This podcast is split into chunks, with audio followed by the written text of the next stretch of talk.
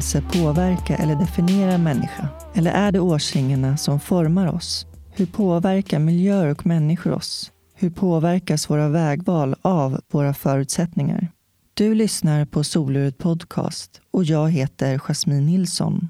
I Soluret möter jag människor från alla samhällsskikt och med varje livshistoria belyses olika ämnen. Välkomna till avsnitt 75. Soluret spelas in i Kulturhuset Dieselverkstan i Stockholm och huvudsamarbetspartner är det internationella hjälpmedelsföretaget Invacare. Idag får ni möta Maria Rashidi. Maria är kvinnorättsaktivisten som föreläser om hedersrelaterat våld och förtryck. Hon föddes 1956 i Iran och hade en relativt fri uppväxt. Men det fria livet tog slut i och med den islamska revolutionen 1979 då kvinnors rättigheter inskränktes och många flydde. Maria blev systematiskt misshandlad av sin man och när det kom till Sverige med deras barn eskalerade det. Han kunde inte acceptera hennes frigörelse i det nya landet och försökte få henne mördad. Här kommer Maria. Nu är det bara du och jag. Nu är det bara du och jag. okay.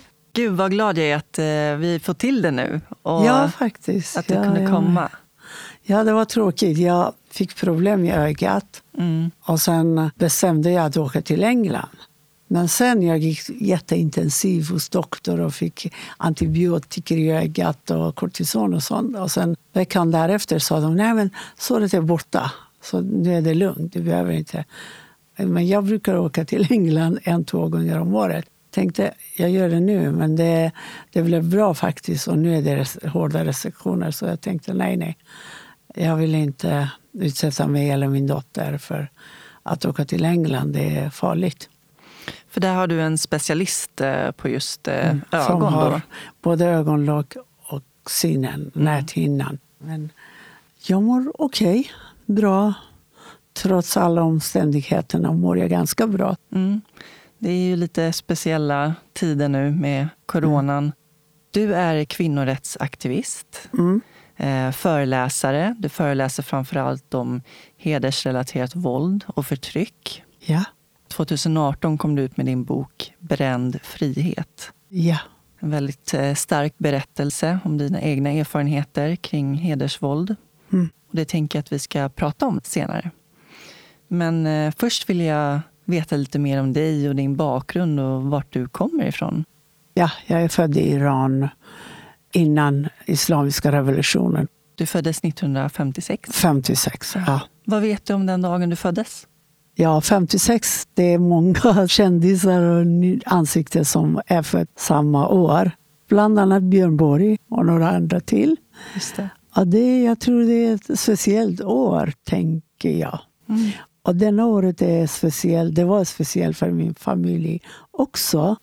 Du vet, jag kommer från Iran. Och eh, att få en dotter, dessutom jag var andra dottern som familjen fick. Och det blev ingen pojke. Då var det faktiskt lite, det här har jag hört av mina föräldrar, att jag tror att för att jag blev välkommen. Jag, då berättade min mamma att när jag föddes, då var jag inom en, en så här säck. Och eh, det där betyder lycka, har de berättat. Och att samma år jag föddes, då fick min far jobb inom militärbasen.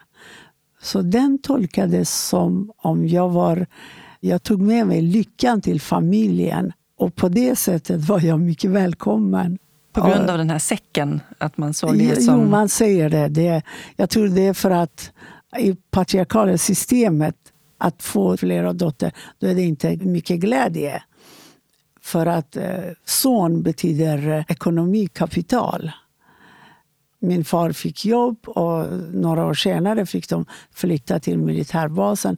Ja, det var en, en typ omedveten tröst för familjen att jag föddes eh, i den där säcken som man brukar spricka. Men min sprack inte. Vad är det för någonting? Vad är, är det något som någon eh, livmoders... Eh, vad är det kallas för? Faktiskt vet Hinna. jag inte vad det kallas. Hinnan, ja, ja, precis. Det är inte normalt, men det var i mitt fall var det så. De tyckte att det här betyder eh, lycka mm. till familjen. Vad föddes du in i för familj? Jag var andra barnet. Jag hade en äldre syster som, var, som är ett och ett halvt år äldre än jag. Sen var det jag, sen var det en bror, sen flera barn. Vi var sju barn faktiskt. Du beskriver så fint i boken också hur ni bodde. När jag var ungefär sex, sju år, när jag började i skolan, då flyttade min familj till militärbasen. När jag var ung så jag kommer inte jättemycket ihåg, men jag vet att min farfar hade ett jätte, jättestort hus. Och eh, min far fick en del av huset och vi växte upp där. Sen min pappa, efter att han hade fått eh, jobb inom militärbasen samma år jag föddes, då efter några år flyttade vi till det där baset. Och då var det otroligt bra, fint, modernt och eh, ekonomin växte och min pappa de hade mycket mark i Iran då. Men samtidigt han jobbade inom militärbasen och då det blev jättebra och sen vi fick mycket möjligheter. Och uh, jag gick i skolan där, det var väldigt modernt. Det var faktiskt de åren innan islamiska revolutionen. Det var mycket bra, mycket mm. lycklig. Vi var lyckliga. Och min uh, pappa, trots systemet, trots hans syn på kvinnor. Det var bra att min mamma skötte hemmet och min pappa arbetade på två ställen. Både inom basen och sen på eftermiddagar skötte han eh, sin gård. De hade en jättestor gård, min pappa och två andra farbröder. Och hur var din uppväxt? Min pappa misshandlade min mamma då och då. Men det som var konstigt att det här var inte jätteovanligt. Man såg att kvinnor i släkt, i olika anhöriga, blev också misshandlade. Det var ganska vanligt att en kvinna får en smäll då och då. Och eh, mannen styrde kvinnan. Och, eh, men när det gäller min mamma, hon var väldigt speciell. Hon var mycket stark, hon var väldigt kunnig, hon var väldigt duktig. Och hon, eh, hon hjälpte min pappa med, med ekonomin och eh, marker de hade. Och, men ändå, systemet var totalt patriarkat och mm. mansdominerande. Och kvinnor hade inte så mycket friheter, kvinnor hade inte mycket möjligheter. Men ändå, om vi tänker på denna samhället för 50-60 år sedan. Det var ganska bra samhälle faktiskt. Hur formas man som barn av att se förtrycket mot ens mamma? Liksom man mm. ser ens mamma bli misshandlad på det här viset. Vad, vad gjorde det med dig? Ja, du vet, i mansdominerande patriarkala systemet flickan uppfostras som en kvinna och pojken uppfostras som en man. Mannen har i uppdrag att försörja familjen och flickan har i sin uppfostran att ta hand om familjen. Kunna laga bra mat, ta hand om hemmet, uppfostra barnen. Och, uh, det var väldigt vanligt hos oss också. Trots allt det där, min pappa var inte religiös.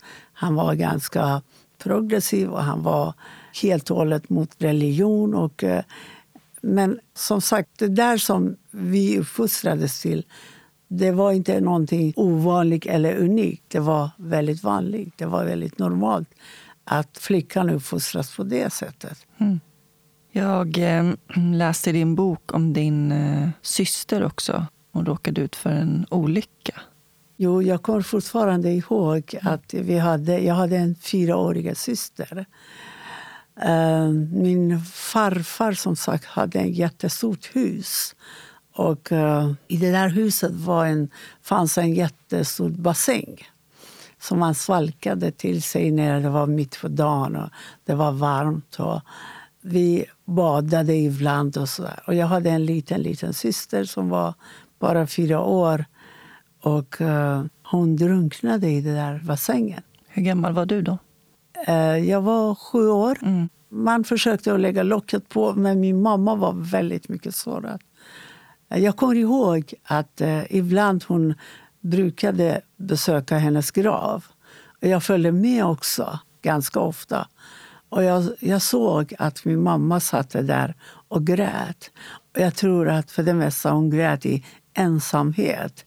Det var en fyraårig flicka hade gått bort. Det var inte världens katastrof. Det var bara en flicka. Mm. Men för min mamma var ett barn. Ja, det är klart. Och för henne var det ett stort sår. Jag kommer ihåg att ibland hon satt hemma och grät. Och jag hörde henne när hon, hon grät.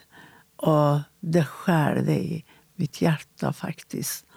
Jag, var, jag älskade min mamma hela tiden. Hon var bäst. Hon löste alla problem. Och när jag såg att hon gråter, då var jag mycket ledsen. Men för andra var det bara en liten flicka. Och i och med det var flera andra flickor så det var inte jättekatastrof i familjen. Mm. Jag kommer fortfarande ihåg den där dagen. Jag kommer till och med ihåg vad hon för kläder när hon drunknade. Så allt det där sitter i min omedvetenhet eller i min hjärna. Och när jag pratar om det då kommer fram de där minnena. Mm. 1979 så eh, det hände en tragedi i familjen. Två år innan, före revolutionen, så min pappa krockade och han blev sängliggande i över ett år. Och under tiden då min mamma tog hand om honom när han låg på sjukhuset. Hon fick bo på sjukhuset för att min pappa var väldigt mycket skadad. Han fick skada i magen, i på benen och huvudet. Alltså hela kroppen var krossad. Vi trodde att han skulle dö. Han var i koma i över tre månader. Och sen efteråt när han vaknade då behövde han någon som sköter honom. Och det var min mamma som bodde då och då flera dagar på sjukhuset och sen kom hem några dagar hemma och tillbaka. Och jag tror att min mamma, det var för mycket för min mamma. Och sen drygt ett år efter pappans bilolycka då helt plötsligt dog min mamma. Och det där var största tragedi för mina syskon, för även min pappa och för oss alla. För att mamma var överhuvudet för familjen. Mamma var lösningen för alla problem. Hon var vår hjälte. Och hon dog bara när hon var 41 år gammal. Och det där var största tragedi som förändrade hela situationen för oss alla. Hon fick mycket högt feber. Vi förstod aldrig vad var det för orsaken. Min pappa blev, skrevs ut, kom hem, men mamma stannade kvar. Efter fyra, fem dagar, en morgon, tidigt på morgonen eh, kom sjukhuspersonalen hem till oss och tog min pappa, som hade gips på båda benen. Min pappa och min bror åkte till sjukhuset. Mamma dog då. Och det var, det var katastrof faktiskt för oss. Jag hade fyra små syskon. Och jag hade min pappa som var jättesjuk. Och det var faktiskt jättestort ansvar. Mm. Hur gammal var du då? när du... Jag var 19 år. Mm. Eller 20 år snarare. Så först var det kaos efter alla ja. sorger och allt ni har gått igenom. Vad hände inom dig? Alltså, jag, jag mådde väldigt väl. Alltså, jag tror att hela min situation och hela min lycka försvann. Jag var mycket ledsen för min mamma hade gått bort. Och revolutionen kom, andra katastrofen. Och min pappa var sjuk i hemmet. Och han, var, han mådde jättedåligt. Han hela tiden försökte ta livet av sig själv. Han var helt krossad. Mm. Hur förändrades livet eh, med den islamiska revolutionen för er? Mm. Hela Iran var under en, en väldigt, väldigt orolighet.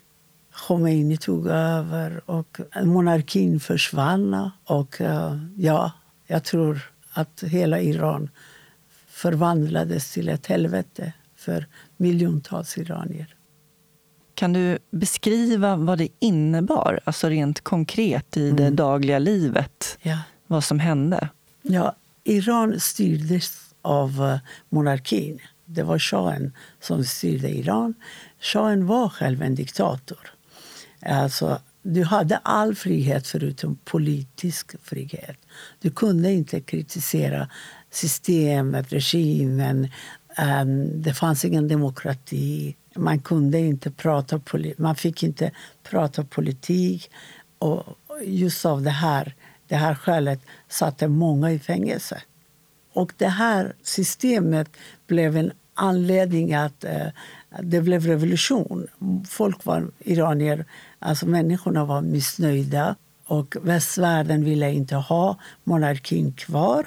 Alltså Europa och USA de ville inte ha monarkin. Det blev så här att shahen flyttade till olika länder i USA och sen till slut landade i Egypten och dog där. Och sen kom Khomeini, en mulla som kunde ingenting faktiskt om politik, om demokrati, om ekonomi. Ingenting. Han var bara en mulla. Men han var välkommen. Han fick mycket, mycket, mycket stöd från både USA och Frankrike och England. De ville ha honom för att de ville stöta bort shahen när han började bli supermakt i området. Och de ville inte ha honom. Och dessutom de ville ha ett system som står emot Sovjetunionen då. Sovjetunionen var, de var kommunister och eh, redan då, precis 1979, det hade blivit kommunistiska system i Afghanistan. De, ville, de var rädda, västvärlden var rädd att de tar över Iran också som det var en stort land i området. Så därför islam var det bästa vapen mot kommunism. Islamisterna tog över Iran och då blev det... Allting förändrades. Både ekonomin och kriget började direkt ett år efter revolutionen. Och kvinnor, kvinnoförtrycket ökade jättemycket. Hur då? Ja, kvinnor fick inte... Alltså jag jobbade i början, direkt efter att eh, jag hade gift mig ett och ett halvt efteråt. Så jag började jobba och då fick jag uppleva att man fick inte gå till jobbet utan slöja. Man fick inte gå ut utan slöja. Man fick inte klä sig som man ville. Man fick inte kritisera eh, regimen. Mm, alltså, kvinnoförtrycket ökade helt plötsligt till 100 procent. Och eh, det blev en jättestor demonstration. Första året som regimen, islamisterna, tog över då var det jätte, jättestor eh, demonstration i Teheran och många andra städer. Det var 8 mars och uh, kvinnor var ute på gatan och de skrek vi har inte gjort revolution för att gå bakåt. Men de blev utsatta. De, många hamnade i fängelse. Många förlorade sitt jobb.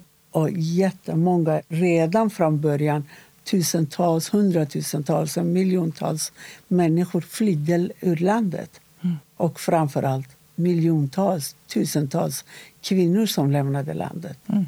De ville ha frihet och demokrati.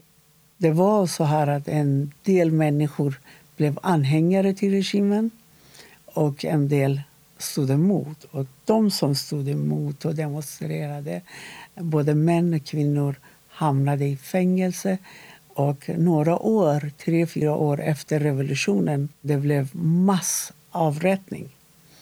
Tusentals människor som var i oppositionen, som var socialister, som var kommunister, som var olika eh, grupper. De blev avrättade, hamnade i fängelse, både män och kvinnor. Och man frågade tror du på Koran och islam. Nej, då är det avrättning. Då blev det tusentals människor avrättat som fortfarande anhöriga vet inte var gravet till deras anhöriga finns. Hela alltså drömmen försvann och Iran förvandlades till en teokrati som styrde landet. Och Det var faktiskt chock för miljontals mm. iranier. För mig det blev... Jag brukar säga det hände tre katastrofer i mitt liv. Första katastrofen var att min mor dog väldigt ung.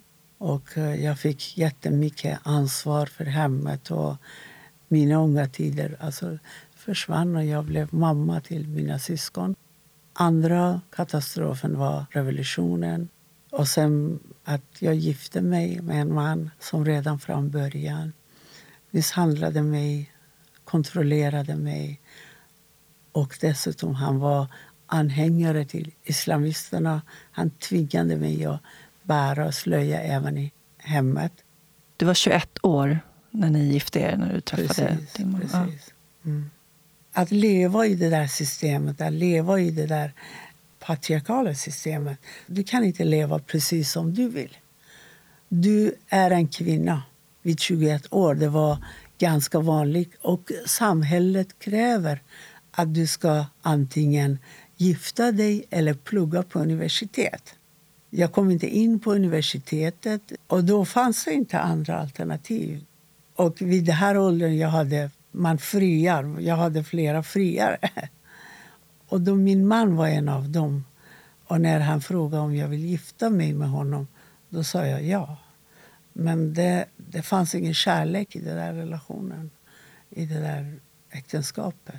Både psykiska och fysiska misshandeln började väldigt tidigt. tidigt väldigt tidigt. Mm. Första grova misshandeln jag fick det var då när jag var gravid med mitt första barn. Och Vi var, satt på gården och höll på att grilla. Då blev han irriterad på någonting, antingen jag eller min syster sa. Så att vid den tiden min syster var på besök hos oss. Och Då kastade han kebabpinnarna. Och ena kebabpinnen träffade min knä, mitt knä och öppnade hela köttet där. Och jag hade tur att den träffade inte min mage. Snart skulle jag föda min dotter. Det här var första hemska upplevelsen. De där åren... Alltså jag försöker att sudda bort de åren som jag bodde i den staden som han bodde. Jag var som en fågel som hade hamnat i en bur och inte kan göra någonting. Jag var så ledsen, jag var så deprimerad. Jag, var så, jag mådde så dåligt att jag kände mig aldrig, aldrig lycklig. Jag hade massor med drömmar, men det, det blev inte det blev inte som jag hade förväntat. Han hade totalt kontroll över hur jag klär mig, beter mig, vilka människor pratar jag med. Jag fick inte vara själv. Jag blev en helt annan människa. En kvinna som hade ingen kontroll över sitt liv. Och därför jag hade drömmen att, att fly därifrån. Det var inte bara Iran, alltså staden. Jag ville fly från honom, hans kultur, hans sätt att behandla mig. Och just därför jag kämpade i flera, flera år för att flytta från Iran, fly från det där helvetet som jag levde i. Det var krig och vi var tvungna att flytta hela tiden, fly från städer, ena städer till andra, från, till byar och bo här och där. Det var krig och det kom hela tiden raketer från Irak. Det var, det var ingen bra situation. Så därför kämpade jag jättemycket för att flytta till Sverige i och med att eh, mina kusiner, och min bror och min syster bodde här innan. Så jag ville också flytta.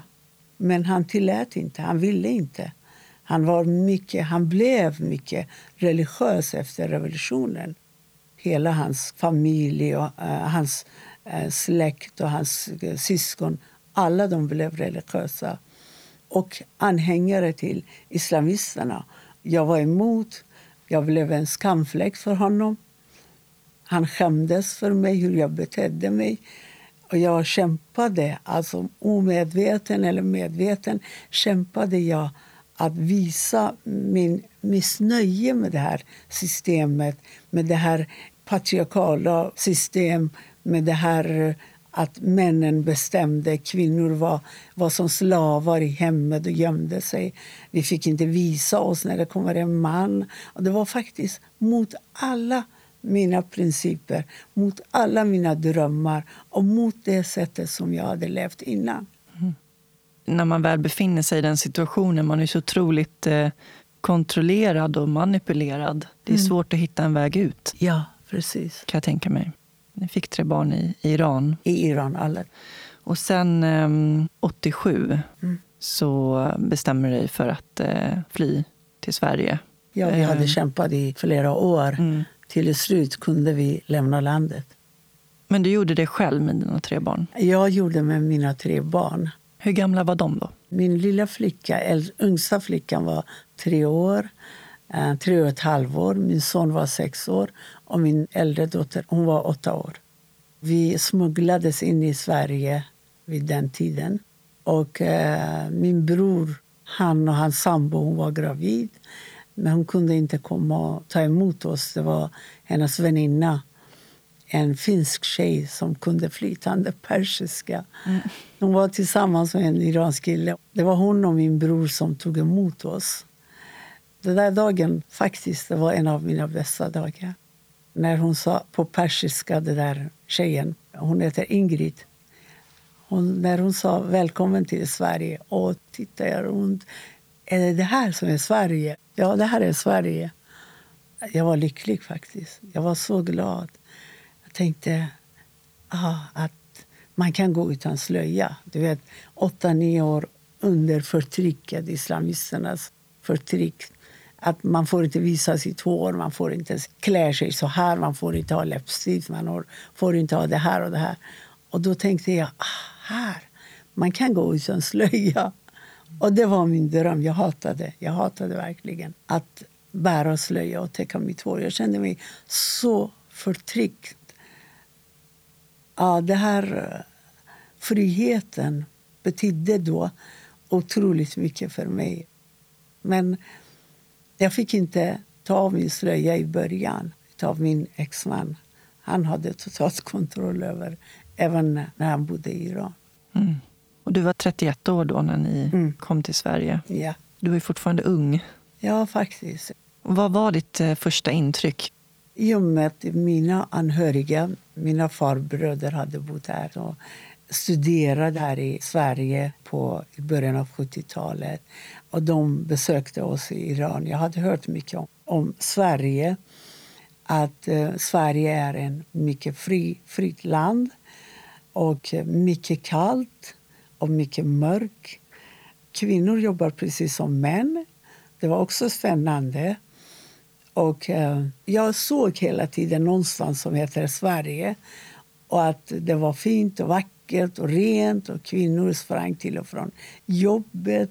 Och dessutom det fanns inga moralpoliser på gator som skulle påminna dig att syster drar ner din slöja. Det här uttrycket, den där meningen var väldigt, väldigt nedlåtande som man fick många kvinnor som fick höra klimatet är mycket hårdare och kvinnor kämpar, till och med bråkar med, med moralpoliser på gatan.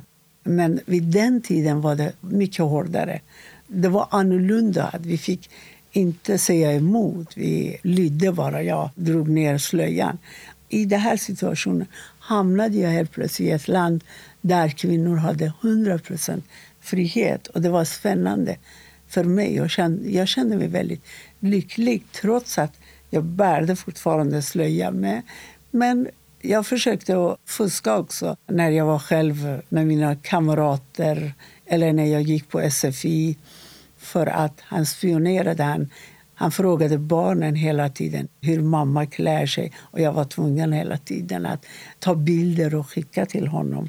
SFI be- betydde mycket för dig. Där var ni blandat också, att du blev förvånad Ja. över att liksom, män och kvinnor satt i samma rum. Ja, faktiskt. Det var spännande. Jag kommer ihåg vår, min första SFI-lärare, hon hette Cecilia. Det som var spännande att det satt män och kvinnor bredvid varandra. Vi pratade, vi skrattade. Ingen, det var inte farligt. Alltså, han tyckte alltid att en ung kvinna ska klä sig så här, bete sig så här. Det, att män är intresserade och kan tafsa på det, kanske kan störa det. Kanske.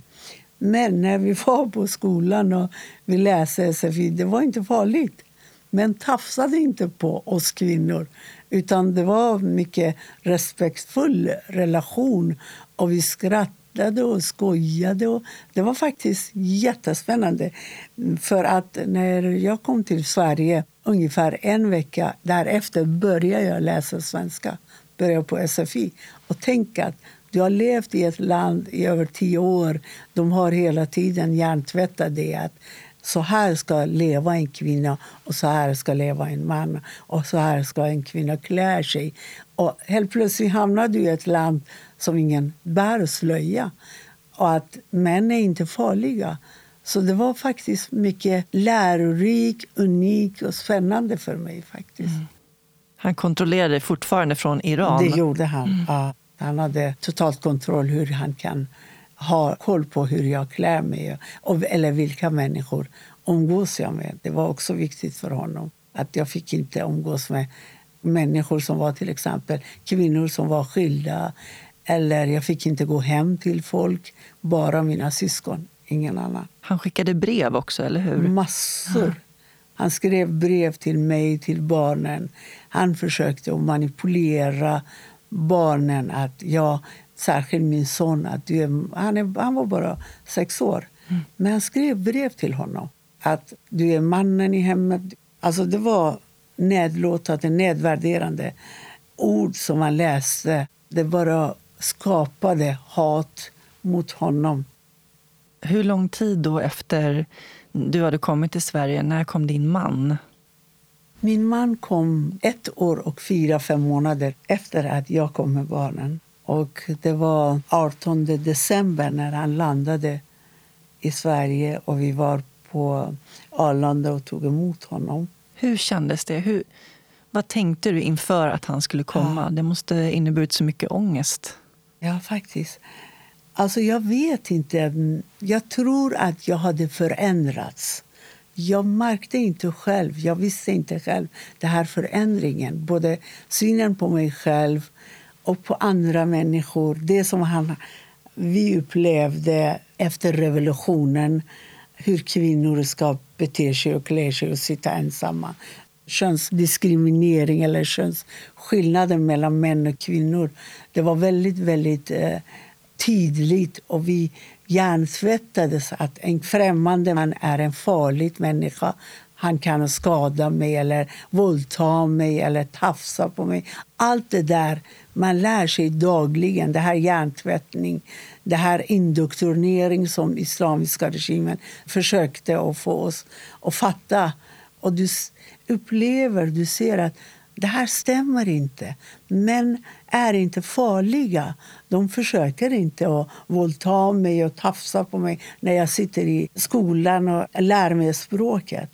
Och jag tror att jag hade förändrat synen på mig själv och på människor hade förändrats. Och det här märkte jag inte själv. Men tydligen märkte min exman när vi träffades på flygplatsen.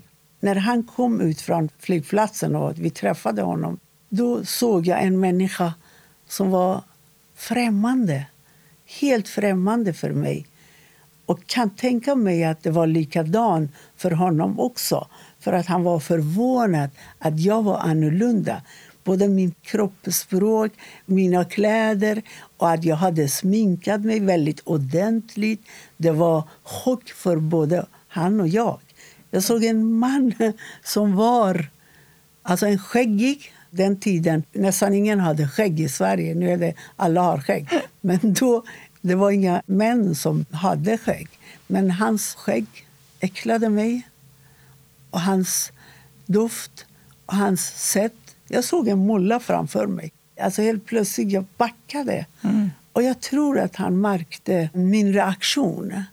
Jag tror att han gjorde det. Vi tittade på varandra som två främmande människor. Som, som, det är första gången vi träffas. Mm. Och Det märkte han och det märkte jag. Och jag tror att redan från dag ett förstod vi att den muren existerar mellan mig och han. Och det var, det var märkligt. Märklig dag och märklig stund när vi sågs på Arlanda. Mm. Och vad hände därifrån? Redan från början vi kände han, både han och jag vi kände att eh, det har bildats mycket stor klyfta mellan oss. Vi förstod inte varandra redan från början. Han tyckte inte om Sverige. Han ville verkligen inte stanna kvar. Det var både jättekallt och just den åren det hade snöat jättemycket. Värsta tiden att komma. Precis. Tänk att in strax före jul och det snöade jättemycket. Och han tyckte inte om Sverige. Han tyckte att Sverige är ett land som styrs av kvinnor. Han försökte få oss att flytta tillbaka. Och jag, nej, sa jag. Jag stannar, du får flytta. Jag stannar kvar med barnen. Du får flytta. Men han ville inte flytta själv. Han ville att hela familjen skulle flytta. Men eh, jag vägrade. Men våldet och misshandel fortsatte här i Sverige också. Men samtidigt hade jag ganska mycket skuldkänslor för honom. För att han hela tiden eh, nämnde att eh, ja, du har dina syskon här, du har dina kusiner här, du har hela din släkt här i Sverige. Jag har ingen. Och jag tyckte jättemycket synd om honom. Att han hade inte sina syskon och han, eh, han kunde inte komma överens med mina, mina systrar och bröder därför att han var religiös. Och mina, särskilt mina två bröder de var mot regimen och han var för regimen. Och det var också ett stort problem mellan oss. Då och då besökte han iranska ambassaden och det var faktiskt... Jag skämdes och han hotade mig. När jag kom till Sverige jag började bli aktiv mot regimen också. Så att jag kände den här friheten och det här förtrycket. Jag hade mycket färsk information och kunskap hur regimen fungerar, hur de behandlar sina medborgare. Och då när jag fick den här möjligheten, då började jag kämpa mot regimen också. När han kom till Sverige då var han också chockad ännu mer. Så att han tyckte, aha, inte bara hur du beter dig. Vi demonstrerade, vi var ute på gatan och informerade svenskarna. Så här funkar regimen och vi visade bilder. Vi visade bilder av avrättningar ute på öppen gata och försökte att informera svenskarna hur regimen funkar. Mm. Och sen när han kom till Sverige då förstod han att jag har helt och hållet... Alltså hela min livssituation har förändrats. Jag gick på SFI på morgonen och på kvällen var vi ute och jobbade mot regimen. Jag var faktiskt mycket aktiv, jättemycket aktiv. Det ville han inte. Så hotade han att om du jobbar med så här oppositionen då kommer jag jobba mot samarbeta med regimen. Och det hotade mig jättemycket. Då var jag tvungen att lägga ner. Så jag slutade jobba mot regimen. Då kom vi överens att jag jobbar inte mot regimen och han samarbetar inte heller med, med regimen. Jag började på komvux. Jag gick på utbildning och läste barnskötarutbildning. Men han hade helt och hållet kontroll över vad jag gör och vilka jag umgås.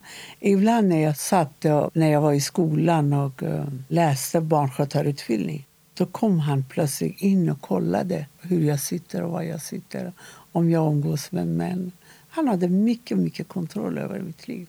Och det var faktiskt otroligt jobbigt, otroligt besvärligt. Jag skämdes.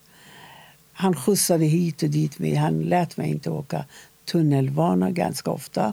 Så han ville se vad jag gör. Mm.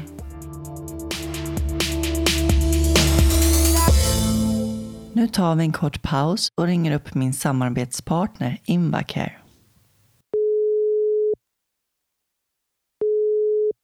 Invacare Håkan. Tjenare Håkan, Jasmin här. Hej Jasmin. Hur är läget? Jo men det är bra, det är sol och fint. Då. Hur är det själv? Ja men det är verkligen strålande väder. Ja det är härligt. Då blir man på gott humör. ja, det krävs inte så mycket just nu. Nej, precis. Berätta vad du gör för någonting på Invacare. Jag jobbar som eh, produktansvarig i eh, Mellansverige, framförallt med produkterna vad gäller manuella rullstolar och eldrivna rullstolar och sittsystem och drivaggregat. Jag reser runt en hel del i vanliga fall då. men eh, i de här tiderna så är det lite mer restriktioner och det är betydligt svårare att få träffa människor och mina kunder face to face, tyvärr. Är det någon produkt som du vill lyfta? För min personliga del så är det skotrar kanske i dagens läge. Dels med tanke på att det är vår, vilket gör att det brukar explodera med elskotrarna. Jag har dessutom just vunnit avtal i Mellansverige på elskotrar så att jag hoppas och tror att jag kommer att få jobba en hel del med dem här under våren. Hur snabbt kan en skoter gå? En skoter kan eh, i Sverige gå som fortast 15 kilometer i timmen. Ja. Vad är det bästa med ditt jobb? Det bästa med mitt jobb tycker jag är att få träffa slutanvändarna och eh, få se hur bra det faktiskt kan bli med våra produkter och eh, hur mycket de kan hjälpa till både i sittande och framkomlighet och en ökad frihet och självständighet för, för våra brukare. Det tycker jag är det absolut roligaste med jobbet. Tack för samtalet Håkan och så får du ha en fortsatt trevlig dag. Tack så mycket själv. Jag hoppas att jag ska kunna komma ut en sväng här i eftermiddag. Okej, ha det bra Håkan. Ha det bra. Hej då. Hej då, hej då. Dina barn eh, i den här situationen ni befann er i. Ja. Din eh, dotter skrev om hennes perspektiv och hur det hade varit för henne. Hon berättade bland annat att hon kunde stå på balkongen och bara skrika efter hjälp när eh, du blev svårt misshandlad. Ja. Men det var ingen som reagerade. Nej, faktiskt. Jag blev mycket misshandlad i hemmet. Och eh, grannarna, vi bodde på andra våning. Det var en trevåningshus. Och eh, två grannar ovanpå oss, två under och en mittemot. Och du hörde, det var väldigt lyhört. Och jag skrek och barnen skrek. Men tyvärr, det kom ingen reaktion från grannarna. Ingen ringde till polisen. Ingen människa kom och knackade på dörren. Vad är det som händer här? Ingen reaktion. Och faktiskt, jag tror att om man hade reagerat då kanske situationen var annorlunda nu. Mm. När han blev arg tappade han kontrollen över vad han gör. Det kunde hända att han springer och tar en kniv från köket och hotar mig med. Eller fjärrkontrollen och kastade. Jag fick fjärrkontrollen i huvudet. Och barnen var mycket rädda. De sprang hela tiden och gömde alla farliga föremål för att han skulle inte ta tag i dem. Mm. Och det hände ganska ofta. Särskilt min lilla flicka brukade gömma alla knivarna under diskbänken för att han skulle inte få tag i dem. Och sen när han lugnade ner sig då blev han jättesnäll. Han köpte presenter till mig. Han tog hand om barnen. Han blev helt annorlunda. Men hans kontroll över mig det var faktiskt väldigt, väldigt svårt. Och det kvävde mig faktiskt. Det blev svårare och svårare. Jag försökte, som idiotiskt försökte att bara dölja det här. Men jag stannade kvar.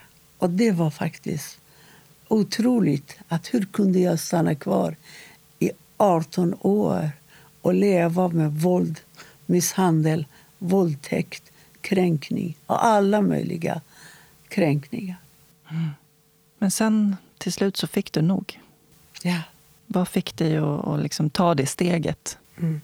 Den här kampen att lämna honom det dröjde flera år. Det tog nästan fyra, tre, fyra år tills jag bestämde att den här gången måste jag lämna honom. Och det gjorde jag flera gånger tidigare. Men antingen jag kom tillbaka till honom eller han kom tillbaka. Han lovade, han skrev till och med ett avtal att han skulle aldrig röra vid mig. Han skrev avtal till min bror och min, våra vänner att jag lovar, jag skulle aldrig skada henne mer. Och det gjorde han. Och hans förklaring var att det var inte han som, det är jag som gör fel. Att tvingar honom att slå mig. Och Det var det som var konstigt. att Alltid det var mitt fel. Just det. Jag betedde mig fel. Mm. Jag satte så här att våra vänner de såg mina lår. Mm. Jag betedde, jag skrattade lite ovanligt mycket. Och att Jag gjorde det här och jag gjorde det där. Och jag tvingade honom för att jag är hans hela namn, hela stolthet och hans heder. Och hur jag beter mig det skulle påverka hans anseende inför anhöriga, och kompisar och vänner. Så därför, om jag betedde mig dåligt då skulle det här skada honom. Hans namn, hans rykte. Så det var därför, det var en samspel. Hur jag betedde mig det påverkade honom. Mm. Och det påverkade honom att han var tvungen och kontrollera mig. Han var tvungen att slå mig eller låsa in mig bara för att jag gjorde de här dumma saker som förstörde för honom. Det var just den här förklaringen som han hade hela tiden. Och till och med när han skadade mig med syra, då ringde han när han flydde. Varför gjorde du så här och så här så att jag var tvungen att skada dig? Jag tvingade honom, enligt hans definition, mm. att skada mig. Vad hade jag gjort? Min kjol var lite kortare än vanligt. Och jag sminkade mycket mer än vanligt. Och jag hade stark parfym att skulle provocera män. Och till och med när jag kom hem, när jag var ute träffade någon väninna, bara kvinnor eller jag var i skolan eller på jobbet då, då när jag jobbade. Då kom han när jag skulle byta om. Då kom han till sovrummet och kollade vad jag har för underkläder. Han hade kontroll även vilka underkläder hade jag. För att hans tolkning var att om jag har fina underkläder då är det säkert att jag har gått och legat med en man. Mm. Och det kränkte mig. Jag var så hatisk mot honom. Jag var så hatisk mot honom när han sa att du är en hora. Jag sa ja, jag är en hora. Bara låt mig gå. Mm. Lämna mig i fred. Men det gick inte heller, för att jag var hans fru. Jag var hans heder. Jag var hans namn. Jag var hans stolthet. Tänk om jag lämnar honom. Och tänk att efteråt jag skulle träffa en annan man. Då skulle han inte ha lust att leva. Så komplicerat var det här äktenskapet så att jag hade ingen utväg. Det fanns ingen lösning för det här. Det där är ju en klassiker när männen säger att mm. om du lämnar mig, då tar jag livet av mig. Ja, precis. Gör sig själva till offer. Ibland när han blev maktlös, när han slog mig och jag tittade bara på honom. Jag grät inte. Och jag bara tittade på honom och sa du är så liten. Du är en liten människa. Då kränkte honom jättemycket. Och han började slå sig själv. Att jag, jag, jag, jag, jag förtjänar att dö. Jag kan inte ta hand om min fru. Så att det var någonting som, han led mycket av det också. Men jag ville att han skulle befria sig själv. Han satt i, en fängelse, i ett fängelse som han själv hade skapat. Och i det här fängelset, både jag och han och även barnen satt. Jag hade ingen, ingen utväg. Jag visste att antingen måste jag dö eller han hade lovat att jag kommer inte leva efter skilsmässan. Jag visste att det är en jätte, jättefarligt beslut. Men det fanns ingen annan lösning. Så vad hände? Allra sista misshandel jag fick det var eh, december 23 december 1996. Jag blev grovt misshandlad denna dagen. Och då bestämde jag att jag måste lämna honom. Jag måste göra det. Det går inte. Det går inte. Det finns inte annan väg att göra det och ta. Då skickade jag skilsmässoansökan till tingsrätten. Efter några veckor fick jag brev från tingsrätten att 1 juni kommer... Vi hade sex månaders betänketid. Så efter sex månader då är det man är skild om man inte ångrar sig. Då berättade jag för honom att ja, jag har lämnat skilsmässoansökan. Jag kommer att lämna dig. Då blev han rasande. Och dessutom när han fick brev från tingsrätten också. Och då rev han brevet. Din jävla hora, du ska lämna mig. Du kommer inte göra det. Men jag gjorde det. Och när jag lämnade honom, det var som sagt första juni jag fick en lägenhet och eh, jag packade mina grejer. Jag lämnade allting vi hade skapat tillsammans. Alla pengar vi hade på banken, vi hade huset, allt vi hade köpt, bil och barnen. Jag lämnade, bara lämnade allting, allting, allting. Jag tog bara mina egna kläder. Och när jag skulle ta mina barn med mig, han sa nej. Vill du gå, då får du gå själv.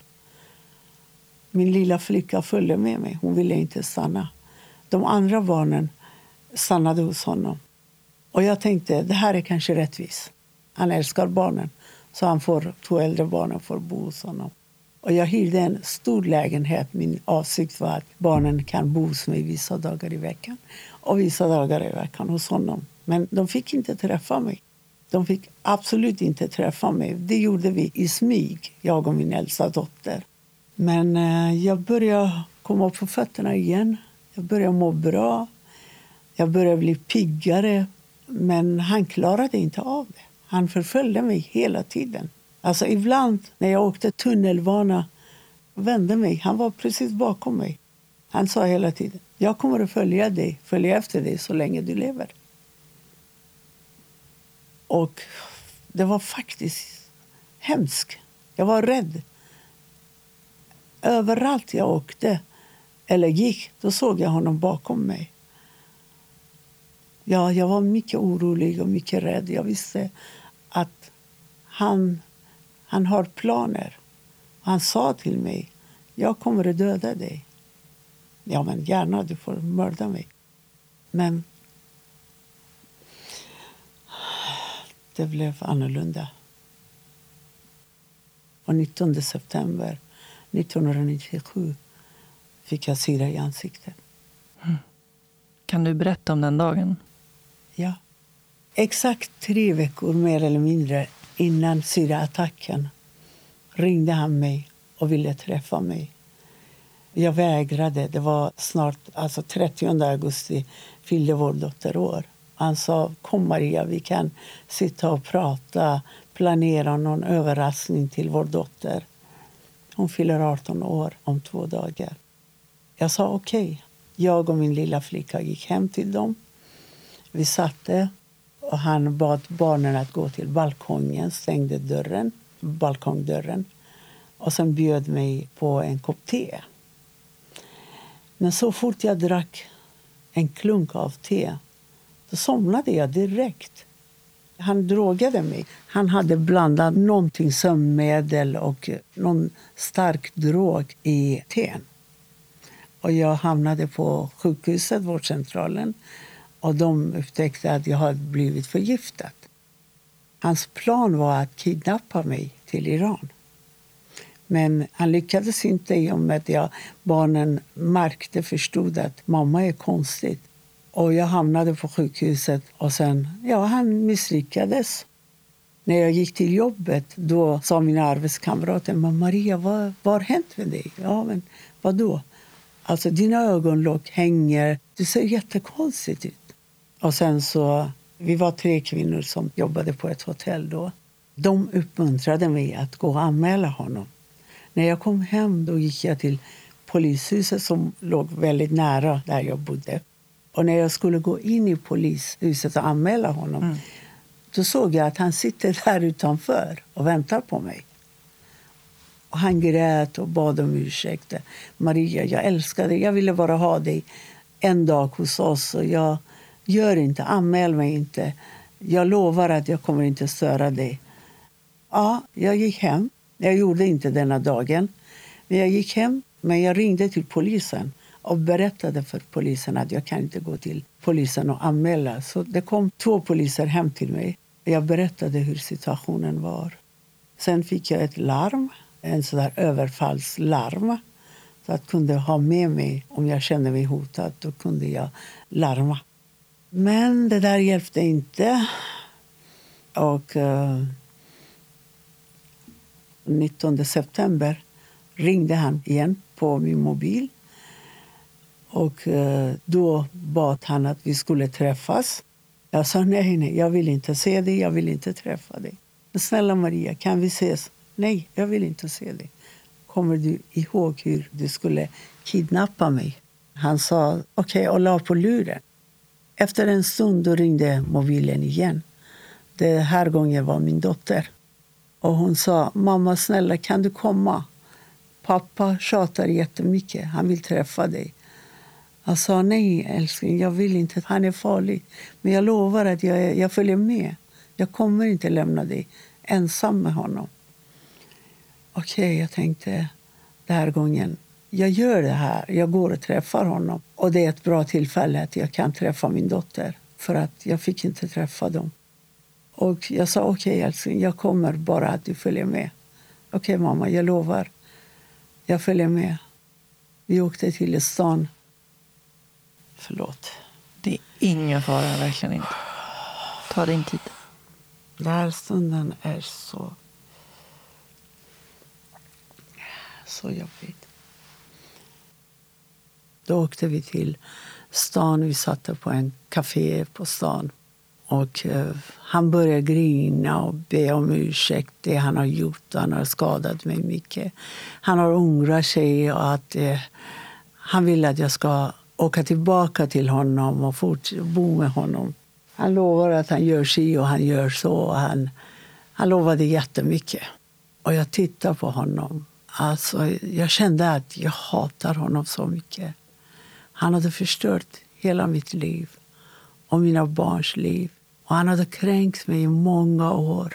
Jag hade massor med, med sår i kroppen, ärr i kroppen, på knän, näsan, revbenen. Överallt. Massor med ärr. Så varje gång jag tittade på de där ärrena då tänkte jag, alltså, hur, hur kunde han göra allt det där? Hur kunde han skada mig så mycket?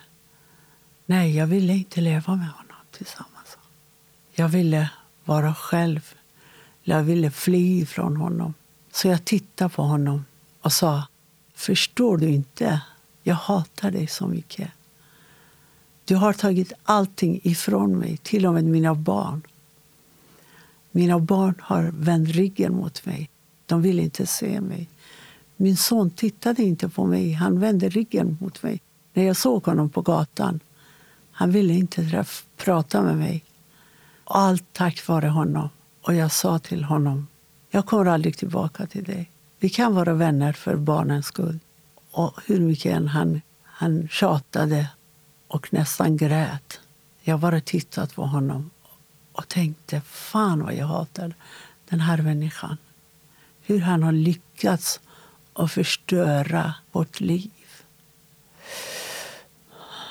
Ja, är det här ditt sista svar, sa han. Ja, det är mitt sista. Jag vill leva själv. Men du kommer att ångra dig, sa han. Du kommer att ångra dig, Maria. Jag sa, ja vadå? Tänker du döda mig? Mörda mig? Det får du gärna göra. Men jag kommer inte tillbaka till dig. Då blev han alldeles tyst. Alltså, hans ansiktsfärg försvann. Han tittade inte på mig. Han blev tyst och sa okej, okay, vänta, jag går och hämtar bilen. Det dröjde ganska länge. Jag blev lite misstänksam. Vad är det han håller på och planerar? Jag blev lite rädd. Ah, herregud, vad ska han göra igen? Men vår dotter är med. Han kan inte skada mig framför dotterns ögon. Men han kom tillbaka efter ja, 20-30 minuter. Okej, okay, vi går. Då åkte vi, han och jag och min dotter. Han var alldeles tyst hela vägen. Han sa ingenting. Han tittade inte ens på mig. Han tittade bort hela tiden. Vi åkte hem till mig. I början på gatan, jag bodde på nummer 18. Men han släppte mig vid port nummer 6. Och jag, ja, alltså jag var förvånad. Ja, vad, vad håller han på med? Varför släpper han mig här och inte där? Jag var i alla fall glad att jag slapp. Jag skadades inte. Han gjorde ingenting mot mig. Jag kramade om min dotter och sa hej då till honom. Han sa hej då, Maria. Allting var konstigt. Stämningen var inte riktig. Men jag var glad i alla fall att jag slapp att bli skadad och han gjorde ingenting mot mig. Eh, jag gick mot min port. Precis utanför port nummer 10 där stod en kille. Och när jag närmade till honom det kändes att han väntade på mig. Och jag kände att han har med mig, någonting med mig att göra. Och när jag skulle passera honom, han kom lite närmare till mig. Jag gick ner från trottoarerna och försökte snabba mig till min port. Men han kom väldigt snabbt nära mig och frågade, eller ropade ursäkta, Ja, jag tittar på honom. Ursäkta, vad är klockan? Och jag tittar på min armklocka. Klockan var exakt 9.45. Och jag tittade på honom för att säga vad klockan var. Helt plötsligt kände jag någonting, någonting jättestarkt i ansiktet. Någonting som kom på sekunder. Bara kände att det svider, det svider och allting blev totalt vitt. Och världens smärta. Jag skrek och skrek och sprang och skrek. Och han, killen, vet inte vem var det Varför gjorde han så? Men konstigt nog, min exman körde inte iväg när han släppte mig. Han stannade kvar. Och jag vet inte, jag såg ingenting. Allting var totalt vitt. Och jag bara sprang och skrek och sprang. Och helt plötsligt kände jag att någon drar mig in i bilen. Och min dotter hon skrek också. Hon sprang och skrek. Och mamma, mamma, vad hände? Hon trodde att det var någon som hade knivskurit mig eller någonting sånt. Han drog mig in i bilen och körde mig till Sankt Göran först. Akuten i Sankt Göran. Och allra sista jag såg då det var min dotters ansikte som bara kom nära mig och skrek. Mamma, vad hände? Ja, jag såg hennes ansikte väldigt, väldigt inom en dimma. Sen sövdes jag ner och kördes till Karolinska. Och där blev jag opererad och nätsövd i flera dagar. Jag låg på sjukhuset i flera månader. Sen flyttades jag till rehabilitering. Där bodde jag också ett tag. Du blev så pass skadad så de var tvungna att göra många plastikoperationer. Ja, jag har gått igenom. De har gjort många operationer. Jag bodde på rehabilitering första gången. Och synen började, eller de hade sytt ihop mina ögonlock för att skydda mina ögon. Okay. Och när så småningom hade öppnat och ögonlocken, alltså det fanns ingen ögonlock, det var det man hade skapat, transplanterat. Från hela kroppen, från ryggen, låret, överallt. Och första gången när jag bodde på Karolinska brännskada såg jag ingenting. Eller jag hamnade i en overklig värld. Jag trodde att jag ser, fast jag såg inte. Och Jag frågade hela tiden varför finns ingen spegel här. Mm. När jag gick till toaletten. så. Ja, jag fick höra olika förklaringar. Mm. Men den där dagen jag bodde på rehabilitering i Stockholm. Jag hade besökt min väninna och hennes mor. De hade köpt pizza, vi åt pizza. Och sen gick jag till eh, toaletten. Där såg jag mig för första gången i spegel. Jag hade inget hår, de hade rakat. Och sen ansiktet, det var alltså lappat ihop. Det här har gått, jag har gått igenom 103 operationer för att skapa det. Men i början det var fruktansvärt. Jag såg någon människa, en människa som tydligen var jag. Inte håret, inte ansiktet, ingenting var lik mig. Jag fick en stor chock. Jag tror att jag hade hamnat i en jättechock. Jag fick feber i övre delen och nedre delen frös jag hela tiden. Jag frös i fötterna, låren, kroppen, magen. Men i huvudet, det brändes. De var tvungna att lägga is hela tiden på här bröstkorgen, halsen för att kyla ner febern. Mm. Sen skickades jag hem. Varje vecka åkte jag till sjukhuset.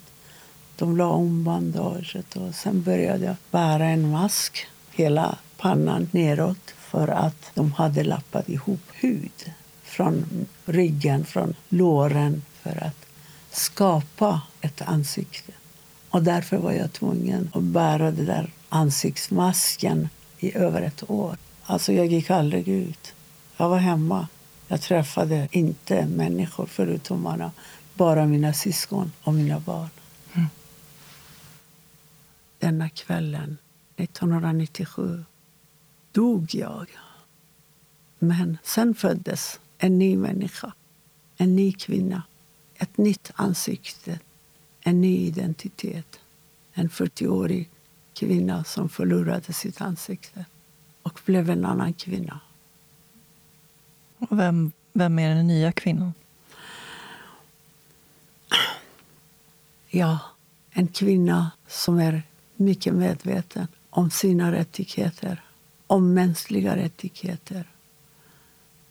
Om makten, makten som förstör dig som kvinna, som förstör dig som människa som förminskar dig, som kränker dig. Jag kan alla koder nu. Och Det fick mig att fundera, fundera mycket. Varför ska det vara så? Vad var mitt brott som straffades? Jag ville bara leva som människa, inte som en varelse som skulle styras av andra. Jag ville inte gå tillbaka till det livet som jag hade och de bitarna som var som glasbitar. Jag lappade ihop dem igen och bildade en ny människa som är emot det här systemet, den här synen, synen på kvinnor. Och den här traditionen, urgamla traditionen, urgamla religionen och de sharia-lagar som ger ingen rättighet till dig som kvinna. Som bestämmer hur du ska klä dig, när du ska ha relation och hur du ska ha relation. Vem ska våldta dig, hur han ska våldta dig. Allt det där finns skriven inom sharia-lagar.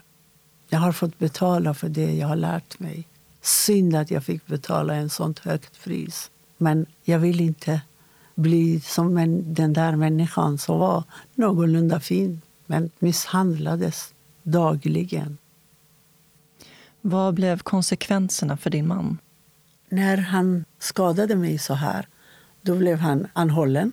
Var i häktet i två dagar. Sen släppte honom tack vare åklagarmyndigheten. Åklagaren som hade inte ens läst min journal innan. Att jag hade polisanmält honom tre veckor innan. De hade inte ens tittat på det. De släppte honom på grund av att det fanns inget bevis. Och då flydde han direkt flydde han till Iran. Och tack och lov dog han för flera år sedan. Okay. Men eh, på något sätt så reste du dig trots allt. Och eh, 2001 så grundade du organisationen Kvinnors rätt. Ja, jag fick mycket möjlighet och tid att... Jag var ensam hela tiden. Barnen gick i skolan. Levde i min, i min värld och funderade och tänkte. Jag hade en motionscykel satt i timmar och trampade på den. Men jag ville bara skrika. Det var så orättvist. Och jag la kudden på själva motionscykeln och stoppade huvudet i kudden och bara skrek och skrek. Jag ville bara skrika och skrek så mycket jag kunde och trampade på cykeln och lovade mig själv att han ska inte lyckas. Jag måste lyckas med det här. Hans mål var att få mig att gömma mig. Jag vill inte gömma mig. Jag vet att jag börjar bli stark. Jag börjar bli medveten vad jag gått igenom. Och därför ville jag avslöja, krossa det här. Så jag började prata om det. Jag fick mycket kontakt från olika tidningar. Jag kommer ihåg det var Dagens Nyheter som första gången intervjuade mig. Ja, jag började avslöja, jag började berätta om det här systemet, om patriarkatet, om makten över kvinnor. Och därför lät jag tidningarna intervjua mig. Sen tänkte jag, jag började läsa mycket. Och då tänkte jag att det är inte bara jag, miljontals kvinnor i världen som drabbas mer eller mindre. Då vill jag bli aktiv och jobba för kvinnors rättigheter. Mm. Jag var på riksdagen och lyssnade på Fadime Scheindal. Det var en stor konferens.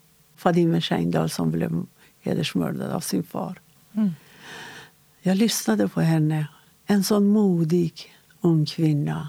En sån fräck kvinna som vågar ifrågasätta familjens tradition och kultur. Och hennes ord fastnade i min hjärna.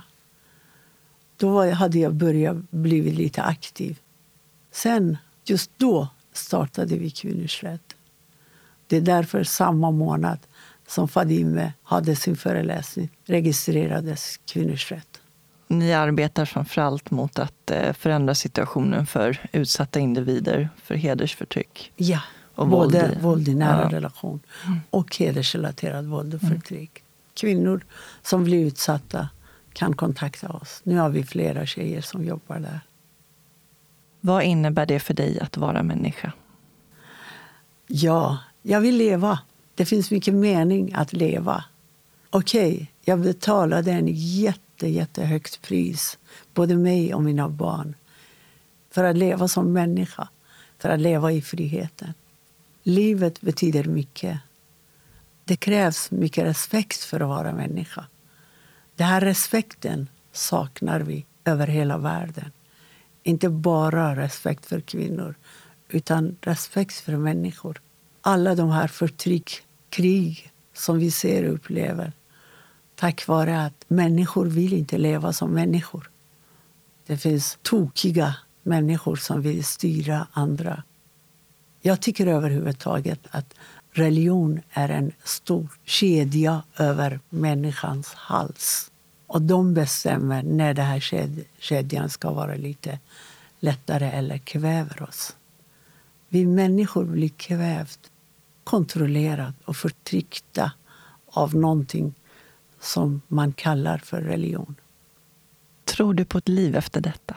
Nej, jag kan inte så mycket om, om det här, men jag tror inte på det. När känner du dig fri? Jag känner mig fri nu.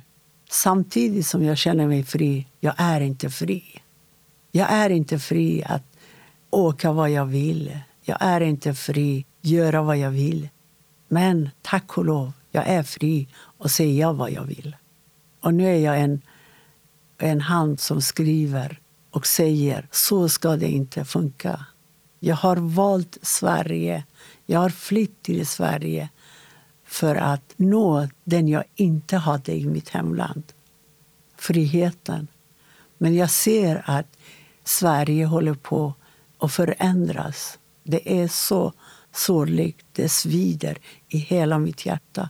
När jag jämför Sverige 2020-2021 med Sverige 80-talet. Jag ser att det har förändrats jättemycket mot det negativa. Och det svider.